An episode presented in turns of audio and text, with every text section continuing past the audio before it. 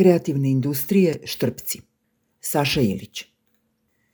Niko više nije kriv ni za šta. Vremena su se promenila. Ostale su samo atrakcija i zajebancija. Atrakcija u promovisanju turističkih kapaciteta Srbije i zajebancija u proizvodnji kulture. Festivali rakije, vina, surutke i poezije. Sajmovi teladi, nameštaja knjiga i traktora. Najcenjenija reč je kreativnost. Sve je postalo kreativno. Kapital, Karl Marx, Junad, menadžeri i advertajzeri. Ako odete negde da se zaposlite, na intervjuu će vas pitati kako biste na kreativan način uradili nešto.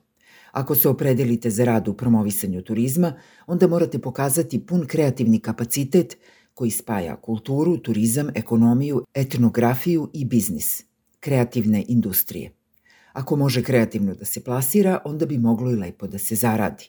Bilo šta od lokalne legende o grobu nekog vampira do prirodnih lepota. U to spadaju reke, planine i jezera i hidrocentrale, do duše one starije, što da ne. Dakle, jezera, prirodna i akumulaciona. O jezeru Perućac, recimo, snimljeni su nebrojeni TV prilozi u svrhu promocije turističkih kapaciteta toga kraja. Ko prati kanal Balkan Trip, dobro zna da se radi o kulturističkoj čaroliji Srbije. M je cool, M je turističko, M je kulturno, pa još čarobno ali tu već prestaje svaka zajebancija. U naporu države da se nemile stvari iz prošlosti naguraju u ormar, zajedno sa pojedincima i grupama koji su potrošili decenije ukazujući na ozbiljno proklizavanje sistema u atrakciju, cirkus i zajebanciju, naročito kada je u pitanju odnos prema nasleđu iz vremena raspada Jugoslavije, Odelenje za ratne zločine Višeg suda u Beogradu izreklo je Gojku Lukiću, Dušku Vasiljeviću i Jovanu Lipovcu zatvorske kazne od po 10 godina – dok je okrivljenoj Dragani Đekić izrečena kazna od pet godina zatvora. Ko su uopšte ova lica, pita se prosečni konzument domaćih medija i zašto bi to nekoga danas trebalo da zanima. Dajte nam još prirodnih lepota i cirkusa. Zaista, ko su uopšte ova lica? O tome u Srbiji danas valjda može da nas izvesti još samo novinar Bojan Tončić, koji je ostao dosledan svojoj profesiji. Za sve ostale informacije trebalo bi se ozbiljno pomučiti kako bi se uopšte dešifrovala vest koja se pojavila u nekoliko medija pod naslovom Presuda za zločin u Štrpcima posle 30 godina. Ako je kreativnost danas najcenjenija reč, onda na drugom kraju skale stoji reč zločin – Reklo bi se mala, beznačajna reč koju niko ne voli. Jedini je problem u tome što su pobrojena lica pre 30 godina uz kreativnu koordinaciju vojnih i paravojnih resursa na liniji pruge Beograd-Bar izvršila hapšenje 20 civila iz kompozicije broj 671 na železničkoj postaji Štrpci. Onda su te ljude sproveli do obližnjeg sela, opljačkali ih, mučili, skinuli u donji veš i poveli na streljanje do Višegradske hidrocentrale.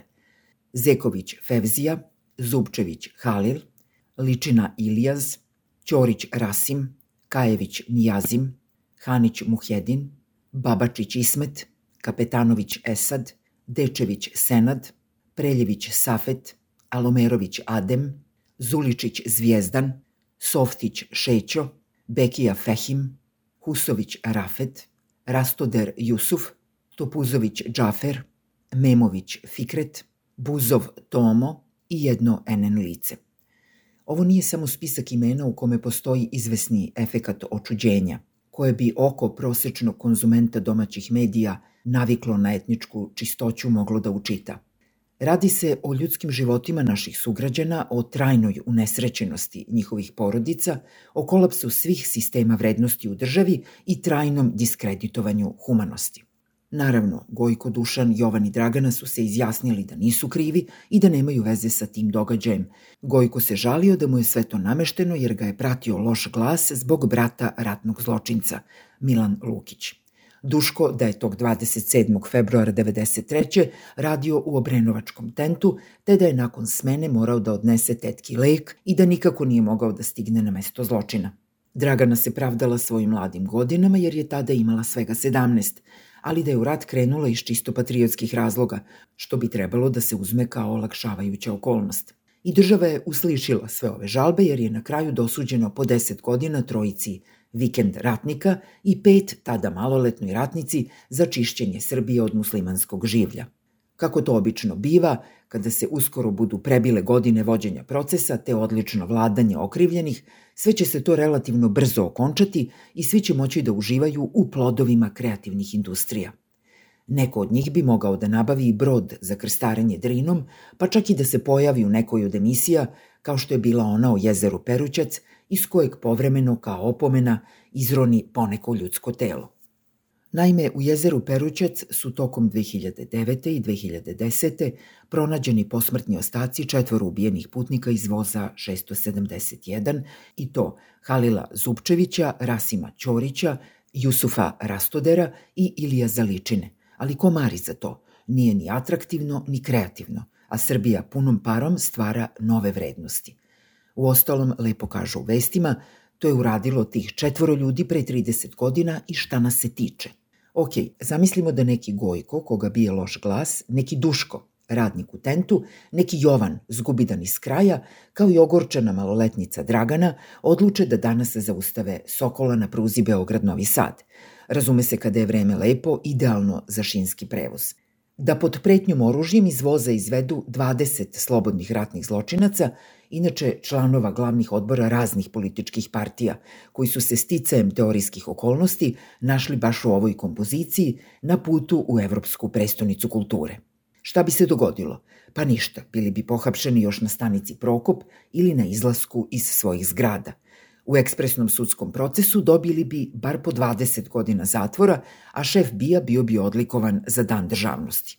Svi dobro znaju da zločin kakav je izveden na stanici Štrpci 27. februara 1993. ne mogu sami da organizuju ni jedan Gojko, Duško, Jovica i Dragana na svetu.